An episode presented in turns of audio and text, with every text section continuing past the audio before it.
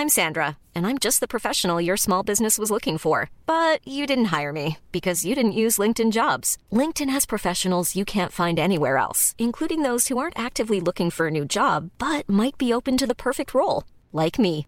In a given month, over 70% of LinkedIn users don't visit other leading job sites. So if you're not looking on LinkedIn, you'll miss out on great candidates like Sandra. Start hiring professionals like a professional. Post your free job on linkedin.com/people today. Planning for your next trip? Elevate your travel style with Quince. Quince has all the jet-setting essentials you'll want for your next getaway, like European linen, premium luggage options, buttery soft Italian leather bags, and so much more. And it's all priced at 50 to 80% less than similar brands. Plus, Quince only works with factories that use safe and ethical manufacturing practices. Pack your bags with high-quality essentials you'll be wearing for vacations to come with Quince. Go to quince.com slash trip for free shipping and 365-day returns. Quality sleep is essential. That's why the Sleep Number Smart Bed is designed for your ever evolving sleep needs. Need a bed that's firmer or softer on either side? Helps you sleep at a comfortable temperature? Sleep Number Smart Beds let you individualize your comfort so you sleep better together. JD Power ranks Sleep Number number 1 in customer satisfaction with mattresses purchased in-store. And now save 40% on the Sleep Number limited edition Smart Bed for a limited time. For JD Power 2023 award information, visit jdpower.com/awards. Only at Sleep Number stores or sleepnumber.com.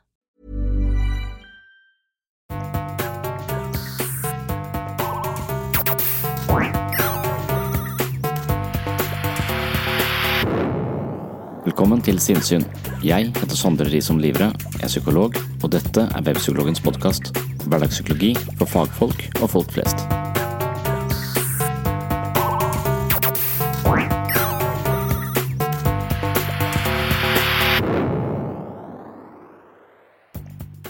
Alle har opplevd å legge seg i en kald seng og kjenne at dyna begynner å varme. Men hvilken misforståelse er ikke dette? Det er jo vi som varmer dyna. Eksempelet illustrerer projeksjonsmekanismen. En projeksjon er en 180 graders virkelighetsforvrengning. Så hvorfor holder vi på med dette? Hvorfor tillegger vi omgivelsene reaksjoner og væremåter som egentlig tilhører oss selv? Altså en feiloppfatning mellom hva som skjer hos meg og hva som skjer hos deg. For gjennom projisering blir vi gjerne fordomsfulle og generaliserende. Idet vi legger våre forestillinger over på andre, er vi bare opptatt av den andre og i liten grad oppmerksom på oss selv. Ved projisering plasserer vi hos andre det vi har vanskelig for å akseptere hos oss selv. Vi fraskriver oss eierforhold til egne uakseptable tanker, følelser, motiver og egenskaper, samtidig som vi tillegger andre personer eierskap til det vi avviser hos oss selv. Vi lager sannheter om andre, og vi tror på dem. Jan Atle Andersen skriver i boken sin Folkeskikk og uskikk på jobben at vi slipper å mislike hos oss selv det vi kan forakte hos andre. Nettopp fordi projeksjoner er et uttrykk for sider ved oss selv som vi har vanskeligheter med å akseptere, er det åpenbart at projeksjoner kan dreie seg mer eller mindre om negative attributter. Projeksjoner kan for eksempel handle om at vi oppfatter andre som ukritiske, feige, aggressive, slitne, sure, dominerende, grådige, selvopptatte osv. Er du oppmerksom på dette, da kan du raskere også bli oppmerksom på om du blir utsatt for projisering. Da har du også muligheten til å sende projeksjonen tilbake til avsender. Dagens episode skal altså handle om projisering. Hvis du vil ha enda mer materiale om dette temaet, har jeg laget en ekstra timeslang episode om fenomenet på patron.com for segs sinnssyn. Det er episode 53 på Patron, og den heter rett og slett projisering. Det er greit å ha noen å skylde på, da det letter litt på samvittigheten et lite øyeblikk, men på lengre sikt kan det skade relasjonene våre ganske ettertrykkelig. Velkommen til en ansvarsfraskrivende og skyldfordelende episode av Sinnssyn. Sist gang så snakket vi om eh, grenser og grensesetting, og i dag skal vi snakke om, eh, om projeksjon, og hvordan eh, følelser, tanker og ubehagelige elementer i oss selv og andre driver og ja, blir kasta litt rundt. Og så av og til så blir vi mottakere for ting som ikke er vårt, og andre ganger så kaster vi vekk ting som egentlig tilhører oss, og plasserer det i andre. Og det kan jo henge litt sammen med grensesetting, for jeg tror man skal eh, være litt god på grensesetting for å ikke bli en eh, svamp på andres ting, eller bli en slags projeksjonsskive hvor alt andre ikke orker å bære på, kan eh, tegnes på vår vegg, og det kan vi bli. Så jeg har, jeg har noen bekjente nå som har, som har kreft, og det er jo en utrolig kjip sykdom. Og enda kjipere er kanskje behandlinga for kreft. For når du får cellegift og, og sånn, så har du så et utrolig skrøpelig immunforsvar, da. Så jeg får sånn behov for å si nå må ikke dere gå ut, nå må vi ikke gå inn der. Vi kan ha noe øh, bakterier med oss eller virus fra barnehagen. Liksom, altså jeg føler at mennesket er da uten, uten, et immunforsvar, og uten et immunforsvar så er det litt øh, risikabelt å bevege seg rundt i verden, øh, i hvert fall hvis du ikke er vaksinert for korona, tenker jeg. Så jeg blir sånn eh, stressa på, på, de som ikke har immunforsvar sitt vegne. Men på samme måte kan jeg føle med noen av de menneskene jeg møter her. Altså, nei, du må ikke gå ut, for du har ikke grenser. Så du kan bli, eh, komme til å si ja til hva som helst. Så det er livsfarlig. Du kommer til å bli utbrent hvis du, hvis du går ut blant folk. Hold deg, hold deg, unna. Du må ha et immunforsvar for å være blant folk. For hvis ikke, så, så vil du bli invadert. Og jeg tror det er nettopp det der manglende immunforsvaret som ligger i kjernen av utbrenthet. Veldig mange som er her, de kan jobbe og de er, kan være flinke til jobben sin, men uten et immunforsvar, altså grensesetting, så vil de eh, raskt brenne alt eh, opp og si ja til altfor mange ting og bli eh, overvelda. Og det, det er eh, jeg, jeg, jeg, tror liksom det å virkelig ta et oppgjør med sine egne grenser og korrigere grensene sine er helt, eh, helt sentralt for å, for å, kunne stå i, eh, i, livet. Stå i familien, stå i jobben, stå i møte med kollegaer og vise at vi, vi har våre grenser, sånn at andre også kan se oss tydelig og se hvem, se hvem vi er. Så det var litt av det vi snakket om, eh, snakket om forrige gang. Og det jeg tenkte på til i dag, dette med projeksjon, som også er veldig sånn et finurlig fenomen, hvor vi, hvor vi har en slags 180-graders eh, virkelighetsforvrengning. Ja, så, så projeksjon det er jo en forsvarsmekanisme vi har eh, som innebærer en 180 graders eh, virkelighetsforvrengning. Og en måte å se det på er Vi har jo De fleste av oss har opplevd å komme inn i et veldig kaldt rom og legge oss under en kald dyne, men så opplever vi at dyna varmer oss. Men egentlig så er det motsatt. Det er vi som varmer opp dyna når vi legger oss under en kald dyne. Men vi opplever ofte at dyna uh, varmer oss. Det er et slags bilde på hvordan denne, denne mekanismen her, uh, her, fungerer. Så det vil si at det er sider ved oss selv som vi ikke helt makter å se på, som er smertefullt å se på, og så, og så fraskriver vi oss ansvaret for, eh, for disse, disse, tingene, vi, og vi legger de utenfor, utenfor, oss selv. Så man kan f.eks. si at det, veldig mange går rundt med litt sånn uavklart selvbilde, eller kanskje de har et slags negativt eh, bilde av sin egen kropp, og et slags ubehag knytta til sin egen kropp. Og da kan man kanskje se det hos de som da, hvis, hvis, du møter en person og sier du har du lagt på deg litt i det siste, noe som er litt rart å si til folk, men, men eh, noen blir jo mobba fordi de har noen kilo for mye. Og hvis man kommer i en situasjon hvor noen sier til deg du, jeg syns det ser ut som du har lagt på deg litt, så kan det jo det være en slags nøytral observasjon av de faktiske forholdene. Jeg har faktisk lagt på meg. Men hvis jeg ikke har lagt på meg, og jeg i utgangspunktet kanskje er litt eh, ikke spesielt fornøyd med min egen kropp selv, noe som veldig få mennesker er veldig fornøyd med kroppen sin av en eller annen grunn, så kan jo jeg overta denne følelsen av misnøye med egen kropp. Og hvis det ikke stemmer at jeg har lagt på meg, så kan det være at den som sier det, selv sliter med eh, sitt eget eh, selvbilde og sitt eget kroppsnegativisme, eh, kan man si. Og istedenfor å kjenne på denne ubehaget i egen kropp, så kan de påpeke hvordan andre ser ut, og så får de det ubehaget. Og så, og så kommer ting. Og da, da er det projeksjon. Du projiserer sider ved deg selv du ikke er spesielt fornøyd med, over på andre, og hvis de tar det imot, så blir det projektiv identifikasjon. Det betyr at den andre identifiserer seg med den projeksjonen som de da har fått. Og sånn her foregår jo mellom mennesker hele tiden. Så når vi vurderer oss selv så, eh, og tenker på oss selv med positive og negative ting, så kan jo det veldig ofte være ting som er eh, klistra på vår tavle, vår mentale tavle, av andre mennesker. Og det er verdt å, å tenke litt på. Vi slipper liksom å mislike oss selv for det vi kan forakte hos andre, er en, er en setning som, som oppsummerer dette her.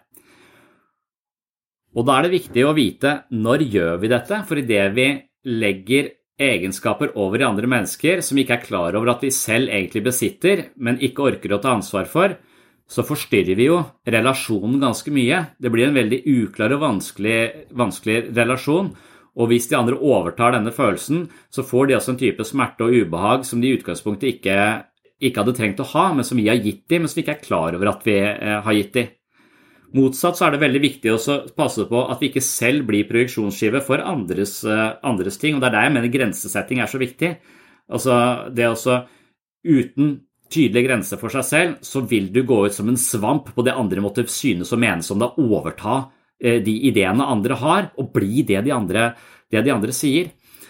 Og, og, her er det en sånn eh, Altså, når jeg tenker på dette med, med meg selv, så er jeg opptatt av at jeg alle driver med projeksjon. Jeg vet at jeg tillegger andre egenskaper og ting som er uavklart i meg selv. En, en måte å se det på er det som kalles stråmenn. Det er noe man gjør i debatter eller noe man uh, gjør i kontroverser, hvor man fremstiller den andres synspunkter, holdninger, perspektiver og meninger på en litt feilaktig måte, og så angriper man det synspunktet, og så dementerer man det synspunktet, og så mener man at man har, satt, uh, har bevist at den andre tar feil. Men så har man egentlig forvrengt det den andre mener, lagt ord i munnen på den andre, så man skyter på en stråmann på, uh, på sett og vis. Da. Og det har vi en tendens til. Vi har en tendens til å tillegge folk mener de ikke helt har, eller egenskaper de ikke helt har, og så skyter vi på det, og så mener vi at vi da har, uh, har fått rett og kan avvise den andres uh, posisjon totalt på bakgrunn av denne stråmann-argumentasjonen.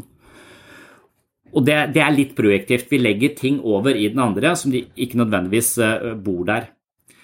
Men for å, for å unngå det, så, så, kan man bevisst gå inn og ha en mer sånn stålmann-holdning. Og det betyr at før du bedømmer et annet menneske, så bør du prøve å fremstille den andres synspunkt, den andres perspektiv, den andres holdning, argumenter osv.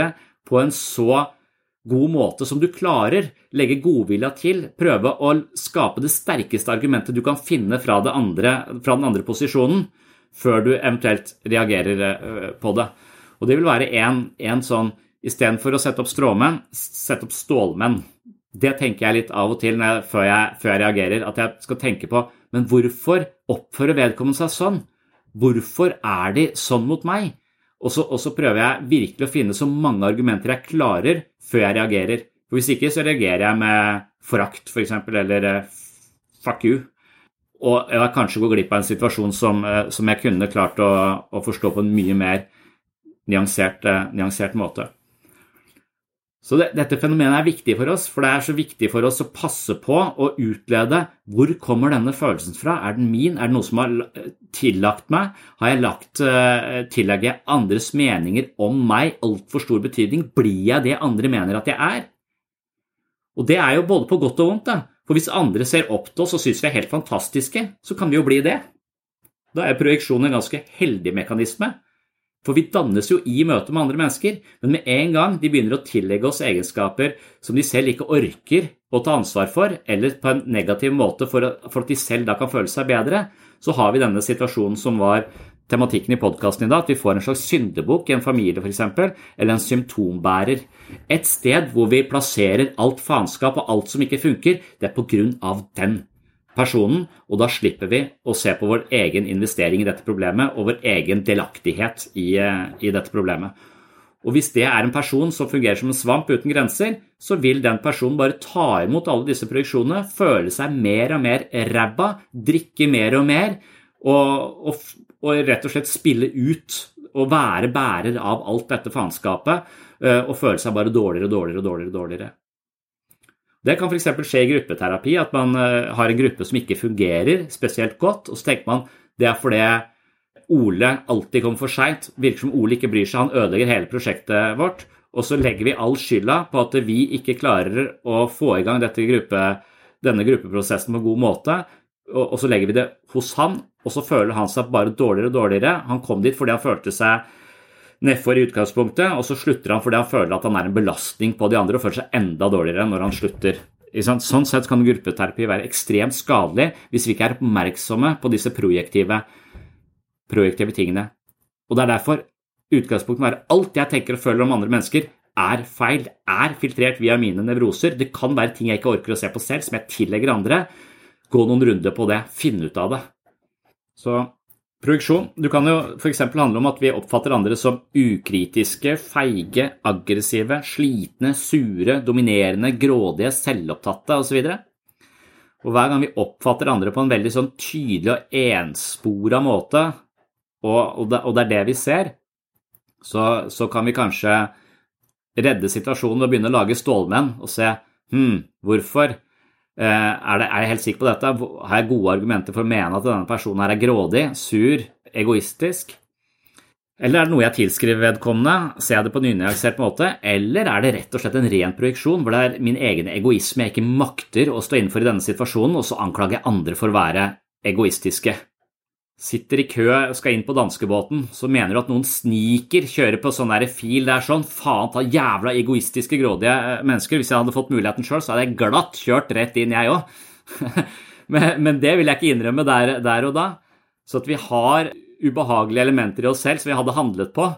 Og da hadde vi sagt ja, men det var ledig her, så jeg bare kjørte, jeg visste ikke bedre. Nei, for du er akkurat like grådig som den personen som tok den snarveien i spor ni Emilie? Ja, du? Vet du hva som irriterer meg noe jævlig? Nei. Når du går i butikken, spesielt i de trange lavprisbutikkene, ja. og så er det mye folk, og så blir det lang kø, og køen bare drar seg gjennom butikken, og så er det plutselig et lyst hode av en ansatt som åpner en kasse til. Mm. Og hva skjer da?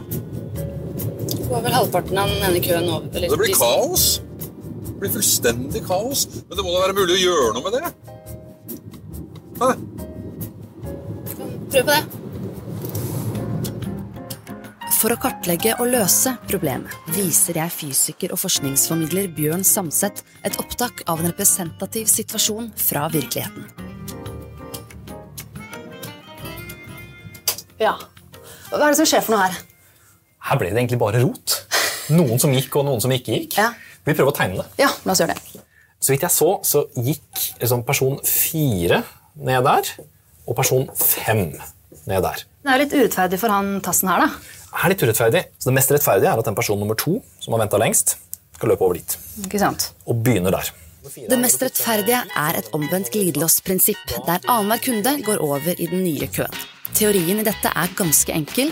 Nå gjenstår det bare å finne en metode for å sette dette ut i praksis. Jeg har gått undercover. Og så kan man kanskje kan kanskje merke når man gjør det Jeg, jeg synes jo, I og med at jeg har tydelige grenser, så er jeg ikke så, jeg er ikke så redd for å bli overveldet av andres ting. Men jeg kan godt se at grensen min er så tydelig at jeg av og til legger ting på andre som ikke hører hjemme, særlig barn. Så, så jeg var på Sørlandssenteret her om dagen, også med, med, med, en på fire og en på elleve, og hun på fire var sånn lekende og sånn 'ta meg, ta meg', sa hun til storesøstera. Og så når hun sa det, så skjønte jeg det går til helvete. Uh, og jeg skjønte det med en gang, mens uh, hun, dattera mi på 11 hun, hun, så ikke det og liksom gjorde en sånn gest at ja, jeg skal ta det. Og da løper hun, da, hun på fire mens hun ser på oss, og så, så snur hun seg, bang, så løper hun rett i en uh, søppelkasse må på, nesten på legevakta, for det er like før besvimer. Altså, ser helt maltraktert ut i trynet etter å ha bare skikkelig blåveis, liksom rett i, i en søpple, søppelkasse. Barna var lekne, de lekte med hverandre, og jeg får lyst til å si men du så at det kom til å skje, Hvorfor? jeg har lyst til å legge skylda på den eldste dattera mi for at det skjedde. Det er en impuls i meg som er sterk. Jeg orker ikke det ubehaget det har slått seg. Det er, det er, forferdelig vondt å se på. Jeg tåler jo veldig lite at folk slår seg i utgangspunktet. Jeg syns det er kjempevanskelig. Så jeg har lyst til at den skylda skal plasseres et eller annet sted. Og jeg vil gjerne at det, det ikke skal være meg. Eh, Men heldigvis så oppdager jeg det, og jeg skjønner at dette er en typisk situasjon hvor du begynner altså, ah, kunne dere ikke vært litt mer forsiktig, kunne dere ikke gjort litt sånn, kunne dere ikke gjort litt sånn, at jeg, at jeg legger skylda på henne, at hun skal være bærer av at hun lille slo seg, mens egentlig så var det hun som hadde redda hele denne Sørlandssenter-situasjonen for oss, for at hun hadde lekt med hun lille. Hvis ikke hun hadde lekt med henne, så hadde hun mast høl i huet på oss, så hadde det blitt en dårlig stemning av helt andre årsaker.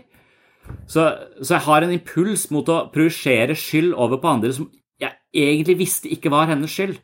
Heller som uten berømmelse for hvor flink hun er til å leke med henne når vi er på sånne kjedelige steder. Og, jeg merker når projeksjonstendensene mine dukker opp jeg har, jeg har lyst til at noen skal ha skylda for dette her. For dette er helt jævlig. Nå det gikk det så greit, og nå er hun, ser hun helt, nå er hun en blåveis, kommer hjem og blir sikkert mora litt sånn Å, du kan bli sur på oss. Så jeg tror, jeg tror man ganske lett i livet sitt kan, kan merke at man legger skylda på andre for ting man egentlig burde ta ansvar for selv, eller kanskje ikke, kanskje bare var uheldig.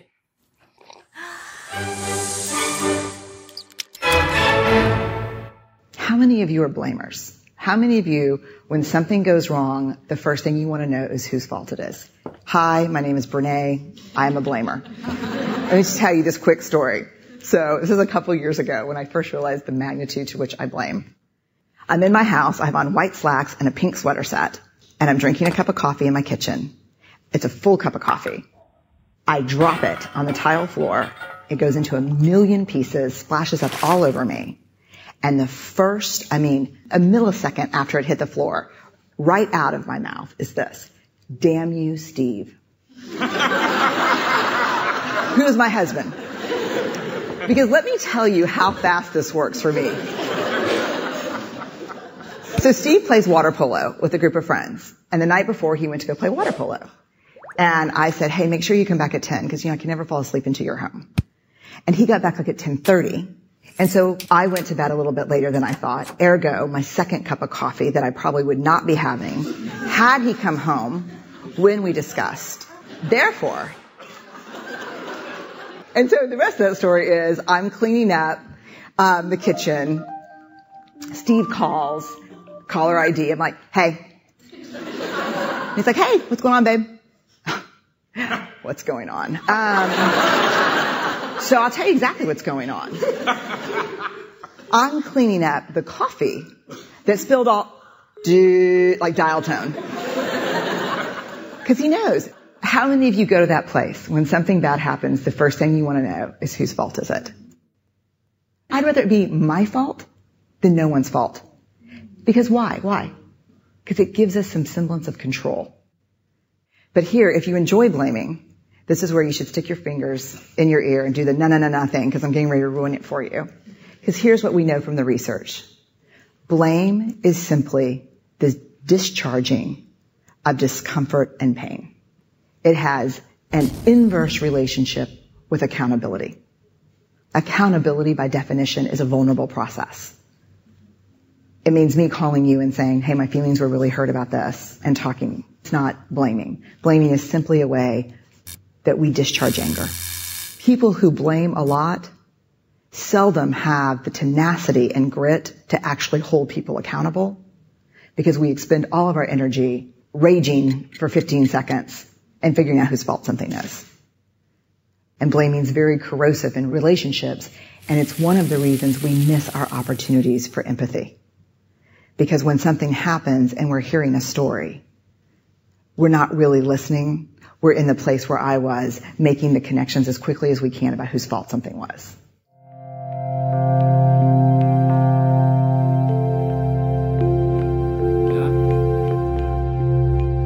Så da da vil jeg liksom si at jeg, jeg kan lett være projektiv, og jeg jobber med å legge merke til det, for da kan jeg hindre det, og da blir jeg et litt bedre menneske, sånn jeg ser det selv. Men så er jeg nærmest altså, allergisk mot at andre gjør det mot meg. Så, så dermed så er jeg så, så Jeg har, over, jeg har et overaktivt immunforsvar mot at andre skal legge ting på meg som ikke hører til hos meg. Hvis noen prøver seg på å gi meg skylda for noe, så, så jeg så setter jeg opp noen grenser som er så tydelige at du møter en vegg. Og da mener jeg og rett og slett at jeg mangler en slags ydmykhet, for ofte så er det min skyld. Men jeg nekter å Så, så jeg har sånn derre Jeg er allergisk mot grass og skyldfordeling. Så jeg overreagerer på gress, og jeg overreagerer hvis noen prøver å legge noe i meg som jeg ikke, mener ikke hører hjemme der. da. Og da tror jeg rett og slett at grensen min er denne cellemembranen er for, eh, er for tjukk. Det sklir ikke gjennom noe. Ja, jeg skjønner hva du mener. Der var jeg litt det var, eh, altså, Selv konstruktiv kritikk kan, jo, kan jeg jo da avvise i, i, verste fall. Hvis jeg ikke er litt åpen for at, eh, for at andres tilbakemelding er ikke bare at de skal projisere ting over på meg, det er jo faktisk at de gir meg tilbakemeldinger som er viktige for meg å ta inn over meg. Og det der kunsten av hva er hva? Hva er andres oppgulp og faenskap, og hva er egentlig viktige perspektiver du trenger å se på for å vokse? Og da blir det liksom bare enda mer parallelt til dette fysiske immunforsvaret vårt. da. Hvis du, hvis du ikke har disse grensene og går ut, så blir du smitta alt mulig. Altså, hvis, hvis, du går ut under Du er midt i cellegiftkur og ikke har immunforsvaret ditt er på bånn, så vil jo det altså gå inn i en barnehage være livsfarlig for deg. For da, da, kan du pådra deg egentlig ganske normale eh, bakterier og virus som du normalt sett hadde takla greit, men nå har du bare ikke noe motstandskraft. Og, og jeg tror nok kanskje at det koker ned til folks psykiske immunforsvar. Det bestemmer veldig mye av hvordan de takler tilværelsen og livet. For hvis de mangler det, og så tar til seg Ja, du mener jeg er sånn, da er jeg sikkert sånn, da. Altså at, at, at du, du blir, lar deg definere av alt og alle, og ikke klarer å så, så, er det veldig vanskelig å vite hvem man er, for man blir jo den andre ser en som. Og ja, en, det å miste seg selv og bli, gå, lide et slags psykisk sammenbrudd som følge av et manglende mentalt immunforsvar, tror jeg er ganske vanlig, og virkelig noe man må, må tenke på.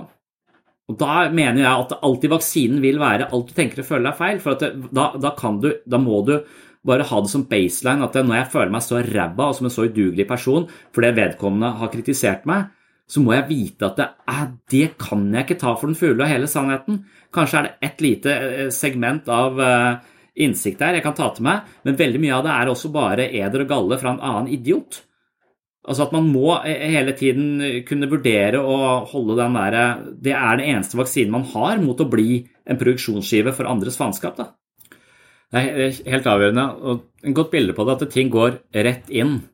Og da, og da er man utrolig sårbar. Og, og, det å gi seg selv noen sekunder til å for, for, veldig mange sier jo at ja, det traff meg jo rett i magen, det er den andre bare direkte overtramp, og så går det en halvtime etterpå, og da kommer du på hva du skulle sagt.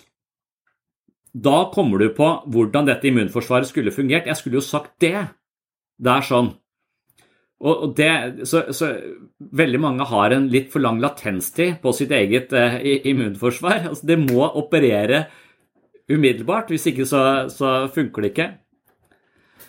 Og selv om jeg selv mener at jeg har veldig tydelige, tydelige grenser, da, så kan jeg også komme i situasjoner hvor jeg blir overrumpla og det var litt her om dagen, jeg var på en campingplass, og så var det Strømmen gikk i hytt og gevær, så jeg måtte opp en, omtrent hver eneste time på natta fordi strømmen, strømmen gikk.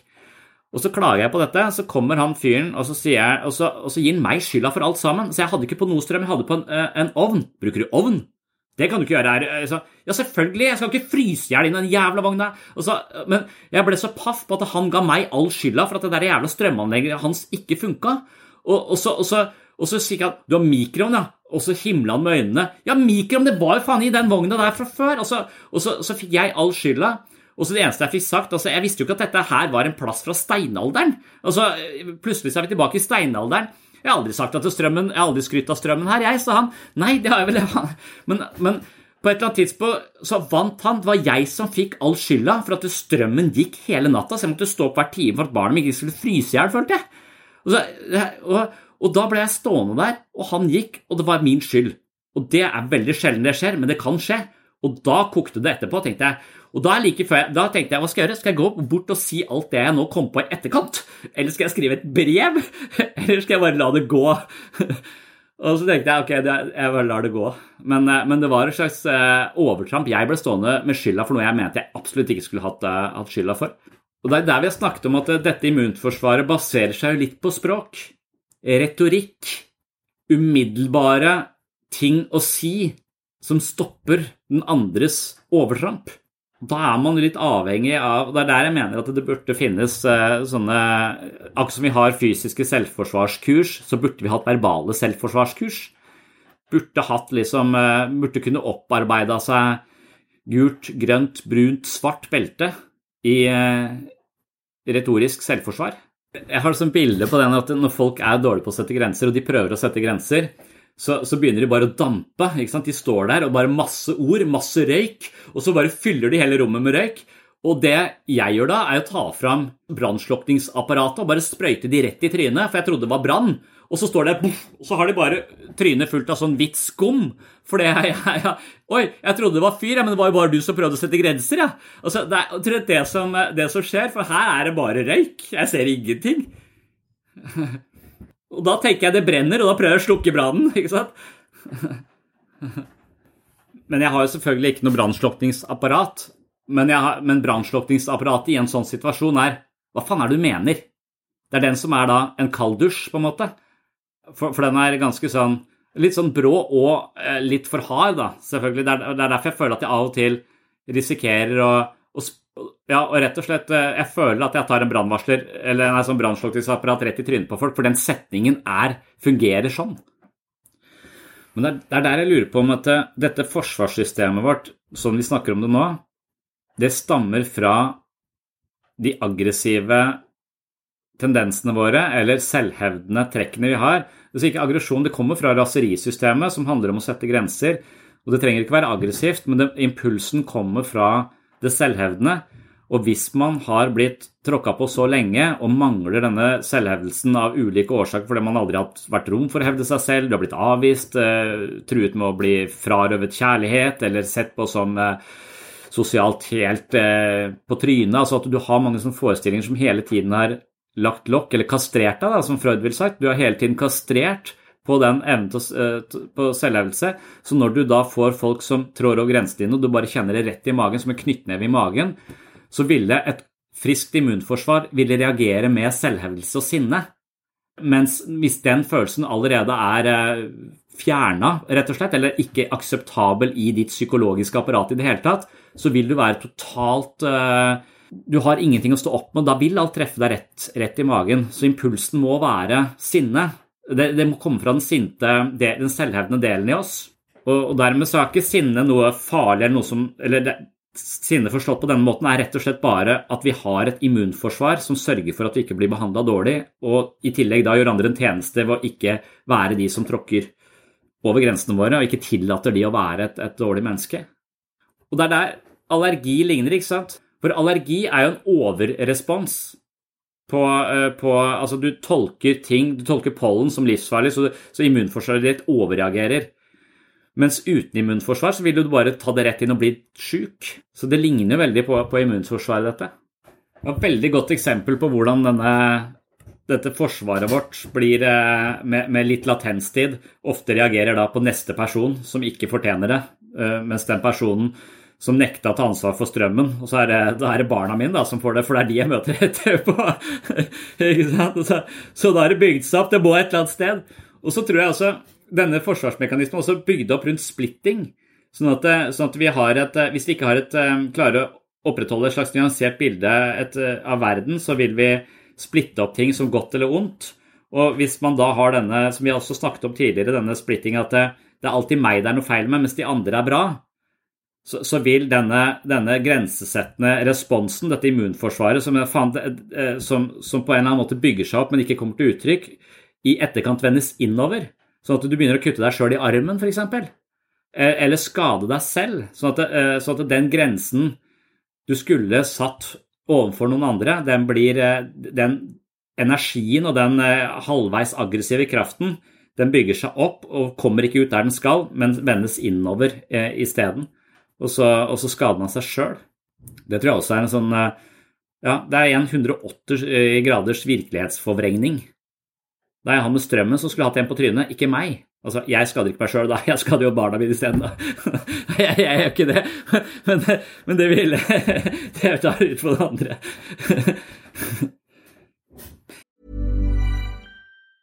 Normally, being a little extra might be a bit much, but not when it comes to healthcare. That's why United Healthcare's Health Protector Guard fixed indemnity insurance plans, underwritten by Golden Rule Insurance Company, supplement your primary plan so you manage out of pocket costs. Learn more at uh1.com. Want flexibility? Take yoga. Want flexibility with your health insurance? Check out United Healthcare Insurance Plans. Underwritten by Golden Rule Insurance Company, they offer flexible, budget friendly medical, dental, and vision coverage that may be right for you. More at uh1.com. Many of us have those stubborn pounds that seem impossible to lose, no matter how good we eat or how hard we work out. My solution is PlushCare. PlushCare is a leading telehealth provider with doctors who are there for you day and night to partner with you in your weight loss journey. They can prescribe FDA-approved weight loss medications like Wagovi and Zepbound for those who qualify. Plus, they accept most insurance plans. To get started, visit plushcare.com slash weight loss. That's plushcare.com slash weight loss.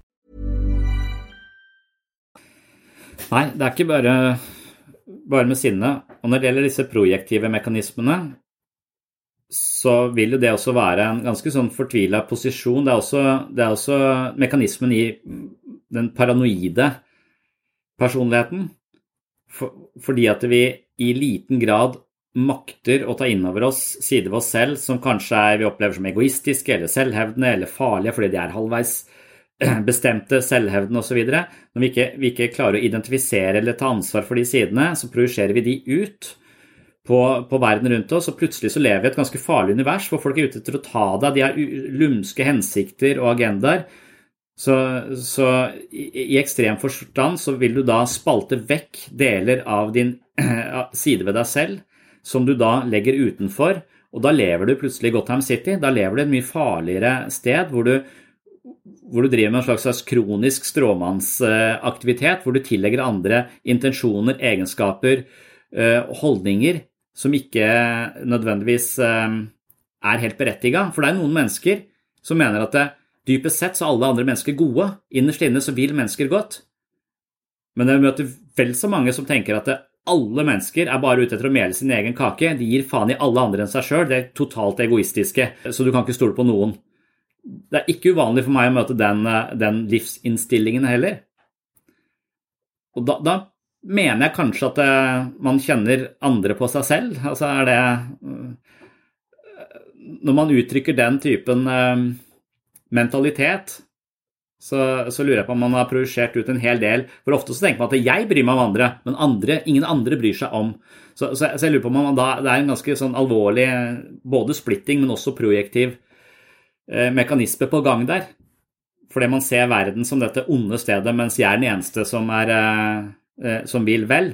Mens dypest sett så er du kanskje litt egoistisk selv. Kanskje du, du prøver å snike i køen på, på danskebåten eh, selv, men du vil ikke ta ansvar for det. Derfor mener du at alle andre gjør det bortsett fra deg.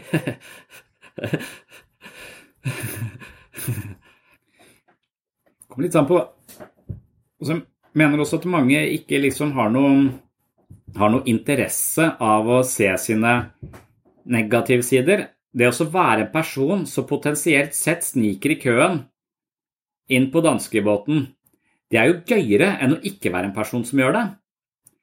Så, så på sett og vis så er den der Det er såpass smålig og eh, Og, og, så, så, det å leke litt med den ideen og jeg mener at Hvis du kan identifisere den type ting hos deg selv, så har det, er den eneste muligheten du har til å faktisk ikke snike i køen. da. Jeg tror aldri jeg ville snike i køen, men jeg har det i meg. Uh, og det er mye gøyere. Altså, det også, og Idet jeg identifiserer den typen smålighet hos meg selv, så kan jeg plassere det på museum, f.eks., sånn som vi snakket om sist. Se, og, og det er det standup-komikere gjør. De viser seg rundt i sitt smålige museum av eh, menneskelig eh, ræva egenskaper så, som vi kan smile og humre av. Ja, du er sånn, ja. Og så indirekte Ja, jeg har det, jeg òg, men jeg har, ikke, har det bare ikke på utstilling. men det er jo litt gøy å ha det på utstilling også, for jeg, jeg, tror nok kanskje du mennesker som har mye på utstilling, kan vise deg hvordan de kan snakke om det. Du, jeg tror kanskje man tenker at så lenge du vet at du gjør det, så, du vel, eh, så gjør du det sannsynligvis ikke. Det er når vi prøver å skjule det eller late som vi ikke er det, at vi blir fremmed for oss selv og ikke kjenner oss selv. Så det er, det er også en av de viktigste sånn for å unngå projeksjon. Det er jo å ha selvinnsikt. Vit dine negative sider, sånn at du slipper å projisere det ut på andre, for det forvrenger alle relasjonene du har. Sånn at jo mer du klarer å se av dine egne eh, mindre fordelaktige attributter, så er det liksom bare sånn Da, da blir du litt større, for da, da har du Du eier det, liksom. Ja, sniking er irriterende. Ja. Man blir jo nesten sånn morderisk når man eh, opplever at noen sniker eh, i, i forhold til en selv, da. Og så, tenker man kanskje ikke så mye over når man tar en snarvei på, på egen, eh, for egen regning. Det er litt sånn dobbelt bokholderi der. Så Et annet eh, eksempel som er beskrevet i litteraturen på dette området, med projeksjon, det, det, er, det er, en del av ledelseslitteraturen også, har jeg funnet ut av. Så, og det er ikke så uvanlig at uh, hvis en ansatt har fått en oppgave som vedkommende egentlig ikke har tatt nok ansvar for eller forberedt seg nok til. Så istedenfor å løse sitt eget problem, så anklager man lederen for å være uklar. Så da er det lederen som er uklar pga. den uklare beskjeden, så, så, kan ikke jeg gjennomføre denne, denne, oppgaven, og så er det lederen som da blir bærende av problemet om å, om å løse, løse problemet. Jeg kikka i en sånn bok om, om ledelse hvor, dette, hvor, det var liksom masse sånne eksempler på akkurat uh, den typen dynamikk. da. Og, og, igjen så må man, uh, må man være litt klar over at det kan i hvert fall ha det in mente. Da, at det er en mulig måte for arbeidstakere som føler at de på en eller annen måte ikke strekker helt til, eller ikke får noe til, eller kanskje har slurva litt her og der, som egentlig burde stå på dems uh, regning. Men så, så, så kan man komme til å klage på at det var utydelig eh, lederskap. Det var derfor eh, eh, det gikk i dass.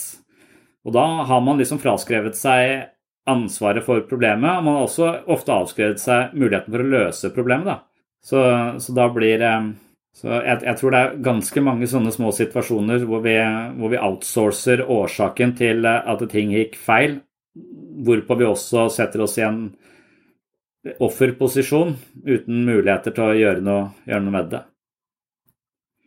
Og Det er ikke dermed sagt at det ikke alltid er, eh, at det alltid er vår egen skyld, men det å gå litt fram og tilbake i det landskapet, og, og ikke bare også tenke er dette en stålmann eller en stråmann. Stor forskjell. Så Det er liksom det samme som eh, all psykisk helse, bare mer bevissthet rundt sine egne mønstre og typiske reaksjoner. Er det eneste medisin vi har for å, for å korrigere for det som vi mener er mindre hensiktsmessig. Og projeksjon er en primitiv forsvarsmekanisme. Det betyr det er et tegn på uh, en slags uh, mental sårbarhet, hvor du ikke makter å, å, bære en del ting som du, du skriver opp andre. Så det å oppdage det og da si oi, nå må jeg ta meg litt sammen, for jeg må jeg bære litt ekstra. Så Det er derfor jeg Det er på Sørlandssenteret. Da, da jeg, jeg, visste hva jeg, jeg visste impulsen min til å skylde på noen. Og så klarte jeg å la være fordi jeg, så, det, eller fordi jeg er så klar over det, at jeg gjør det. For veldig ofte når barn slår seg, så blir jeg bare irritert. For jeg syns de er noen surrebøtter. Altså, de, de, de, kunne vært litt mer eh, forsiktige. Jeg, ja, jeg syns at det er dems feil. Altså, de, de gjør så mye klønete ting som, uh, som, de burde forstått fører til smerte. Og, så så istedenfor å trøste, så kan han si ja, men du, du burde jo ikke løpe bortover og se bak deg. Altså, eh, når du er på et sted fullt av folk og søppelkasser altså, Du må jo se forover når du løper. Er du helt dust? Det er den harde måten å lære på. Men, men jeg vet at det, at, det, at, jeg, at det, er viktig for barn å få trøst når de har slått seg, istedenfor å bli klandra for at de har driti seg ut. Og i og med at jeg vet at det er uh, fort irriterende for meg at folk slår seg, så, så, så, så, er det en slags Jeg har planta et flagg der, så jeg vet at det, ja, nå har de slått seg. Nå må jeg virkelig bare gå all in på trøsting her, for hvis ikke så kommer jeg til å gi dem masse skyldfølelse for at de er eh, feil. På lørdag så spiller jo jeg og min gode venn Aslag et show som heter Bare Egil og Aslags superpopulære barneshow. Og det er verdt å få med seg for alle, syns jeg egentlig. Det er et veldig morsomt show å spille. Vi konfronterer barna mer enn de kanskje er vant til i barneforestillinger. De får høre en del ubehagelige sannheter som de kanskje ikke er vant til å høre. Det at barn f.eks. er vesentlig dummere enn voksne, det er en ting som man ofte har, man har ofte litt sånn berøringsangst. Jeg tror kanskje man var mindre redd for å si sånne ting før. Nå er liksom, det er så farlig å, bli, å si sannheten. Men barn er mye dummere enn voksne. De kan lite, de vet ikke så mye. Så det er, det er smart at de får vite det, for da får de en motivasjon til å prøve å skjerpe seg. Bli smartere. Lese litt. Og det er veldig irriterende selv òg, hvis, hvis, du har gjort en eller annen feil, og de påpeker hva du burde ha gjort annerledes for fem minutter siden. Jeg vet jo det! Slutt å si det! Jeg trenger bare forståelse for at det er dritkjipt. Altså på en måte så, eh, så er det jo det er viktig å trøste barn, men på den annen side så driver jo barn med sånn type søskensjakk hvor de Altså, de kommer og gråter 'Han gjorde det, han gjorde det, han gjorde det'. Ja, fordi du dælja han i huet med puter mens han holdt på å spille. Altså, det er ikke så rart han dytta. Men, men det sier de jo ingenting om. Så, så vil de at jeg skal få en bli, reagere på den andre mens de skal få trøst. Altså, det er jo manipulasjon, eh, grov manipulasjon av foreldre. Så, så, man blir jo utsatt for det der hele, hele tiden også. Så at man har en viss sånn eh, skepsis i forhold til hva de, eh, hva de sier, og, og hvor, hvor, vanskelig og hvor stort offer vi skal se de som, det er jo man, det er ikke alltid at det, det er veldig vanskelig å, å Ja, man blir jo eh, handler om en slags sånn kamp om eh, foreldrenes anerkjennelse og omsorg, sånn søskenrivalisering og sånn. Da er jo ganske mye Mange av de mest primitive forsvarsmekanismene er på spill. I stua mi. Der er den, der er den. Nå ble jeg fanget av dette. Nå reagerer jeg helt umodent. Hva skulle vært, sånn, eh, skulle vært en sånn dommer som vi har på fotballkamp. Så er rødt kort det er primitiv forsvarsmekanisme. Det er ikke lov. Umoden reaksjon. Du må gå ut. Ta fem minutter der. Og så Av og til føler jeg jeg trenger den dommeren, fordi at jeg er midt i spillet. Klarer ikke å se, se det som skjer, klart. Jeg risikerer å gi folk skyld for det de ikke har skyld for. Trøste folk eh, for ting de ikke trenger trøst for, men bare forsterker en sånn måte å være ja, og Hvis man hele tiden skal gå noen runde på det, være klar er dette, Kommer dette fra meg? Er dette oppgjort fra meg? Er dette mine egne uh, uavklarte ting? Altså er det den andre så Du skal tenke sånn om alt også. Så blir det vel bare sittende midt i dette kaoset og tenke, da. Altså, eh, jo, Du har jo ikke tid til å utlede alle disse finurlige mekanismene hele tiden, så det er jo det er jo ikke så rart at vi bare reagerer, for vi kan jo ikke drive oss og tenke, være sånn derre freudianske detektiver i eget liv i enhver liten situasjon. Så vi kanskje burde vært litt oftere enn det vi er, da. Det er det Når sånne ting skjer, så blir du den freudianske detektiven på natta. Sånn at du ligger våken på natta og lurer på hva er det som skjedde. Burde jeg sagt det? Burde jeg skulle faen meg sagt det? det, det så, så, blir du liggende og kverne på det. En av hovedårsakene til eh, lite søvn. Nei, ta, jeg tror det er lurt å ikke ta noe for gitt. Jeg tror det er en fin holdning. Og det er i hvert fall en eh, en motsvar til den. Det er akkurat som jeg syns jo at, eh, at, at, vi har litt sånn en slags sånn Kanskje at det ligger en sånn felles forståelse for at det, det vi føler, det er riktig, for det er min følelse. Du kan ikke fortelle meg hva jeg føler, det er min sannhet. Din sannhet er din vrangforestilling. Veldig ofte det vi kaller vår sannhet, er vår vrangforestilling. ikke sant? Sånn at det å hevde og mene at eh, ja, men det føler jeg, og det jeg må få lov til å føle det jeg føler Ja, men det er helt fucked up, det du føler. Altså, du er helt ute av kurs. Så det, er ikke kanskje vår plass å si det, men det å si det til oss sjøl ofte. At, eh, at, eh, det å stole blindt på sine egne eh, umiddelbare reaksjoner eller følelser, eller ja, det er sikkert min feil Nei, du er kobla på en måte hvor folk har fortalt deg at det er din feil så mange ganger at du har begynt å tro på det. Det er akkurat som å, å, leve i dette diktaturet, hvor du plutselig tror at uh, han som styrer her inne, er uh, Gud og ser alt, vet alt og er uh, ufeilbarlig, mens det egentlig er en stor narsissistisk psykopat som bare melder sin egen kake i faen i alle andre.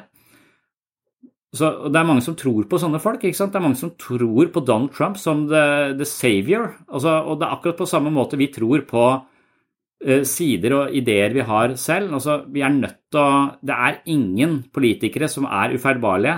Så er, er, det er så viktig å ha en slags ytringsfrihet og være kritiske til de stemmene som, eh, som dukker opp. Det er liksom hele fundamentet for et demokrati, at vi skal kunne øh, tvile på, eller i hvert fall stille spørsmålstegn ved nesten alt. Og Det viktigste er at vi gjør det. Men vi, liksom, vi, har, vi, lever et sted hvor vi gjør det veldig mye til politikere og verden rundt oss. Vi lever ikke i et diktatur. Men det at vi ikke har den samme impulsen overfor oss selv For vi tenker ja, men det jeg føler, det er sant. Det er min sannhet. Altså, Vi tror Vi er så overbevist om at ja, men jeg er dårligere enn alle andre. Jeg er sånn. Altså, og, og, det er som om at det, Ja, det, det, det er veldig vanskelig å, å tvinge folk til å være litt mer selvkritiske på den måten. da. Ja, selvkritisk. Jeg er meg selv hele tiden. Jeg, jeg, er jo så Ja, men det er den På et annet nivå, ikke sånn! Så da tenker jeg liksom I en krangel hvor jeg surner skikkelig til, og bare bygger opp argumenter for hvorfor jeg har rett til nå å være dritsur, så kan det dukke opp en sånn tanke at nå er du hjernevaska. Nå er du en fundamentalist. Nå ser du kun én side av saken og så avfeier jeg den uh, ideen for at nei, fordi jeg har rett. Jeg har rett, Dette er urett. Det har gått en stor urett mot meg, og jeg har rett til å gå rundt og være dritsur i to dager. Altså, og, og jeg, jeg, tror på den stemmen, selv om jeg vet at det, når jeg føler så sterkt, så er jeg hjernevaska. Det føles så sterkt er en hjernevasking. Altså, Du har ikke gangsyn når du føler så sterkt, så per definisjon så veit jeg at det er sider tusen sider jeg ikke ser i denne saken, men likevel så klarer jeg ikke å huske på det der og da. Jeg sier, ja, ja, men akkurat denne situasjonen er litt spesiell og litt annerledes. Nå har jeg rett. Å ja! At det liksom er mulig å bli så hjerneskada bare fordi du føler litt, syns jeg er eh... Stupid! I'm not gonna let you get the chance! ja. Du ringer en venn som er enig med deg, altså. Ja. Sitere liksom sin egen hjerneskade i de øyeblikkene. Det er jo Stupid! Men hvis vi ikke gjør det, da, så, så blir vi jo irriterende perfekte, gjør vi ikke det? Går rundt og være balanserte og harmoniske og psykisk modne hele tiden. Ja, da måtte vi jo lagt ned hele psykiatrien nå. Det har vært en krise. Heldigvis så er vi ganske fucked up alle sammen, så er det nok å jobbe med. Men det, er, det å være ubalansert er dårlig når vi ikke på noen tidspunkt ser det. Hvis vi ser det rett etterpå og klarer å reparere det osv., så, så er det noe man vokser på. Men idet man går rundt kronisk i kronisk ubalanse og kun ser verden fra det ståstedet og tror på det man tenker og føler fra det ståstedet, det er vel det som er virkelig, eh, den virkelige forstyrrelsen, den virkelige lidelsen. At man aldri kommer på at alt jeg tenker og føler, er feil. Så man aldri liksom kommer seg opp av den, eh, av den virkelighetstunnelen som man har liksom gravd seg, gravd seg inn i. For, for, det er ikke sikkert det Hvis man i utgangspunktet aldri stoler på seg selv, så er det ikke så lurt å si alt du tenker og føler er feil. For da blir du bare altså, Og da pleier jeg å modifisere til alt du tenker og føler er bare litt riktig, men, men du må også våge å handle. Du må også våge å sette opp noen grenser. I og med at det ikke er noe helt sånn tydelig hvor grensene bør gå, så må du så Fallgruven på den ene siden er å ha så steile grenser at du ikke er mottakelig for noen innspill. Fallgruven på den andre siden, altså ikke ha alt du tenker og føler er feil, jeg vet ingenting, og sånn, det er jo relativisme og stillstand og kronisk tvil. Så, så, så det er jo noe å bestemme seg for å sette cutoff et eller annet sted. Altså, dette tror jeg gjelder i enkeltindivider, men det gjelder også sånn, i akademia. At, at man har hatt en sånn bølge nå med sånn postmodernisme hvor vi ikke tror på noen sannheter. Alle sannheter er dementerte. Alt er bare konstruerte forklaringer som hele tiden Ingenting er skrevet i stein. Alt er sånn, så Derfor så kan de ikke si det ene eller det andre eller det tredje eller det fjerde. Alt er bare perspektiver. Alle perspektiver er like mye verdt. For, for, da blir vi også Det er en slags impotens i det. og det er en slags sånn, ja, Man blir jo borte i milliarder av perspektiver, og det blir nesten vanskelig å handle i det hele tatt. Så det er en slags fallgruve på den siden at alt du tenker og føler er feil, så, så får du kanskje, så havner du i en sånn altoppslukende relativisme hvor du ikke vet hva du skal gjøre i det hele tatt. Og det er da det å sette grenser og si hva er mitt behov, hva har jeg lyst til? Og hvis man har litt lyst til altså, Da må man jo følge følelsene litt også, finne ut av hva er det jeg trives med, hvor, eh, hva, du må ta et valg og, stå for det valget ofte. Så det alt du tenker og føler er feil, det er vel eh, en slags, eh, et slags virusprogram du skal kjøre innimellom når du tenker masse negativt om deg selv. Så er det et slags virusprogram som skal sørge for å luke ut feilkoblinger du har fått fordi du har vært sammen med narsissistiske idioter altfor lenge som har tråkka på deg. Så skal du prøve å, å, filtrere de ut. Men så må du også da bestemme deg for hva liker jeg. Og hvis du aldri har tenkt på hva du liker, så veit du kanskje ikke hva du liker. Så da må du bare bestemme deg for å like noe, og så trene på å like det, kanskje. Og så tegne opp noen, eh, noen tydelige grenser for, eh, for hvor jeg nå midlertidig tenker at dette er meg, dette rammer meg inn, dette liker jeg, dette gjør jeg av omsorg for meg selv. Så, at, så at eh, spørsmålet er i akademia, f.eks. Altså, først var man skråsikker på at det er sant, det er ikke sant. Vi tror utelukkende på vitenskap, men så viser det seg at alt det vi mener å vite, det forandrer seg hele tiden. Det er så komplekst at det er umulig å si noe entydig om noe som helst. Og da kan man bli helt sånn oppgitt. Er dette den er, det, men det blir en sånn intellektuell hengemyr også. Ingen kan si noe som helst.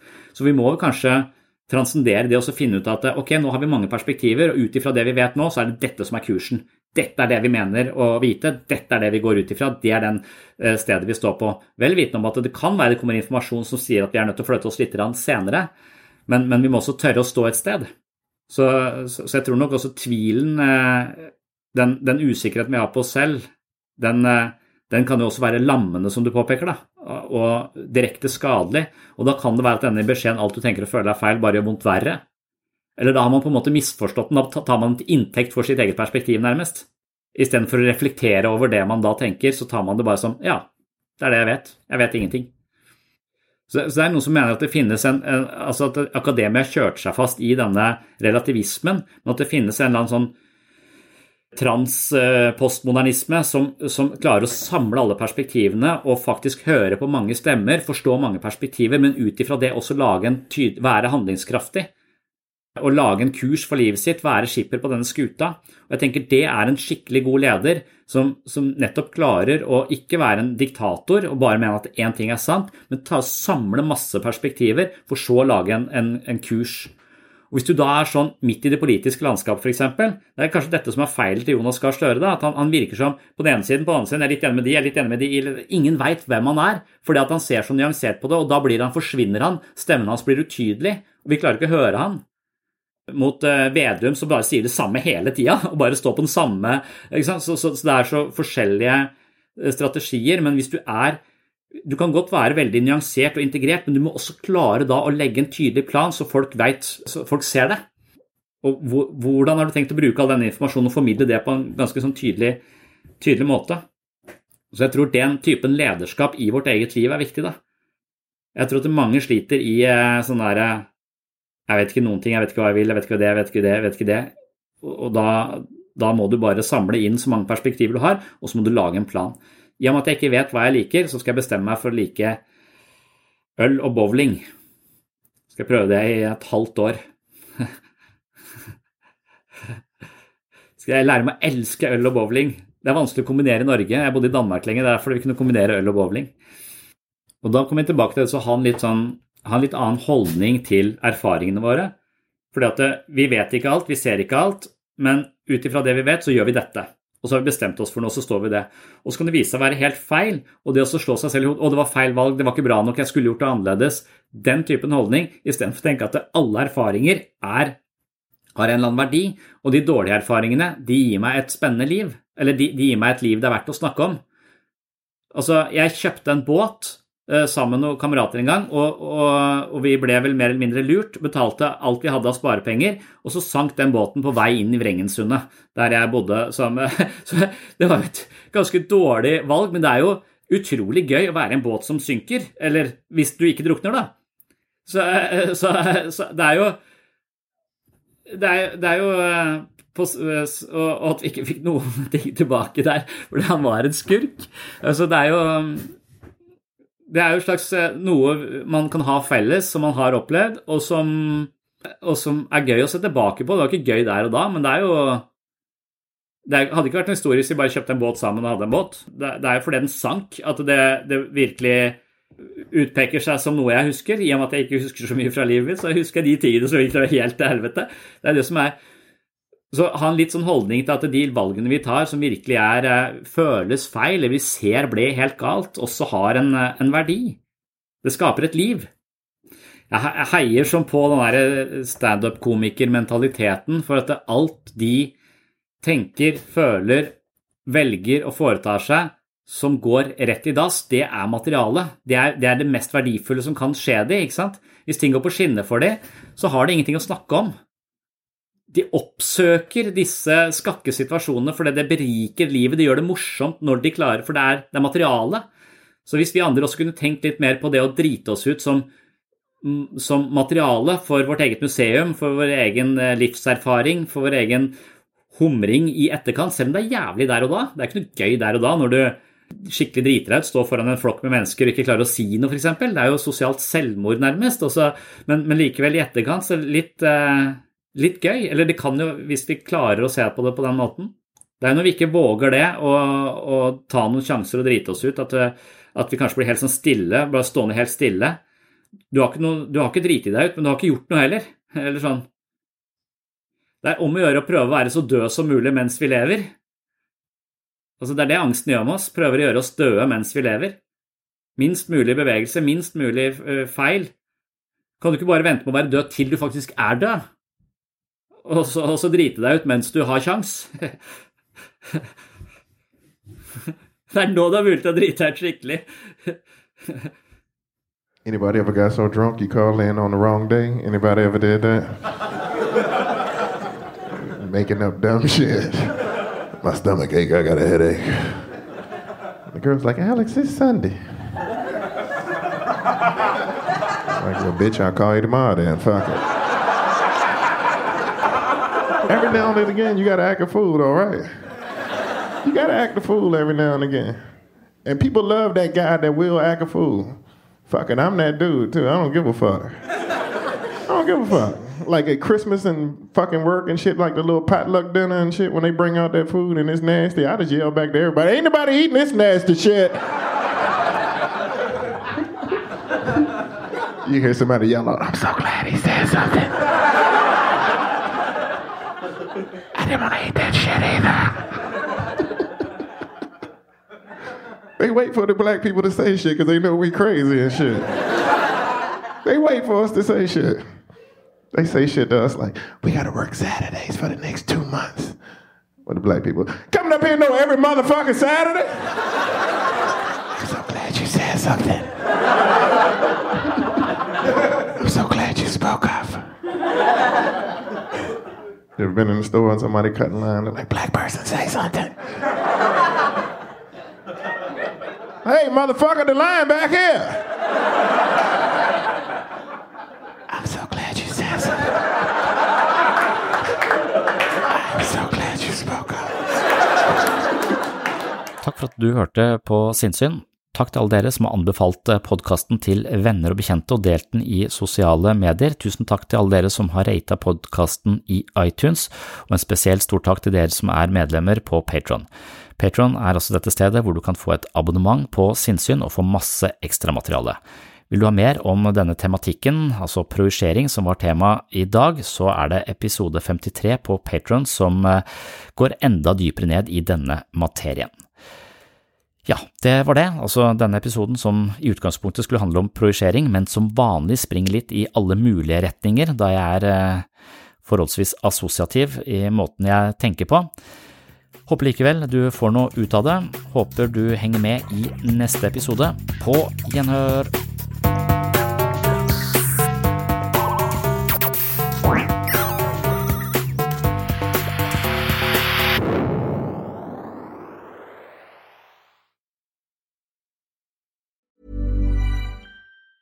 Hey, it's Danny Pellegrino from Everything Iconic. Ready to upgrade your style game without blowing your budget? Check out Quince. They've got all the good stuff shirts and polos, activewear, and fine leather goods, all at 50 to 80% less than other high end brands. And the best part? They're all about safe, ethical, and responsible manufacturing. Get that luxury vibe without the luxury price tag. Hit up quince.com slash upgrade for free shipping and 365 day returns on your next order. That's quince.com slash upgrade. Cool fact a crocodile can't stick out its tongue. Also, you can get health insurance for a month or just under a year in some states. United Healthcare short term insurance plans, underwritten by Golden Rule Insurance Company, offer flexible, budget friendly coverage for you. Learn more at uh1.com. Mom deserves the best, and there's no better place to shop for Mother's Day than Whole Foods Market. They're your destination for unbeatable savings, from premium gifts to show-stopping flowers and irresistible desserts. Start by saving 33% with Prime on all body care and candles. Then get a 15-stem bunch of tulips for just $9.99 each with Prime. Round out Mom's menu with festive rosé, irresistible berry chantilly cake, and more special treats. Come celebrate Mother's Day at Whole Foods Market.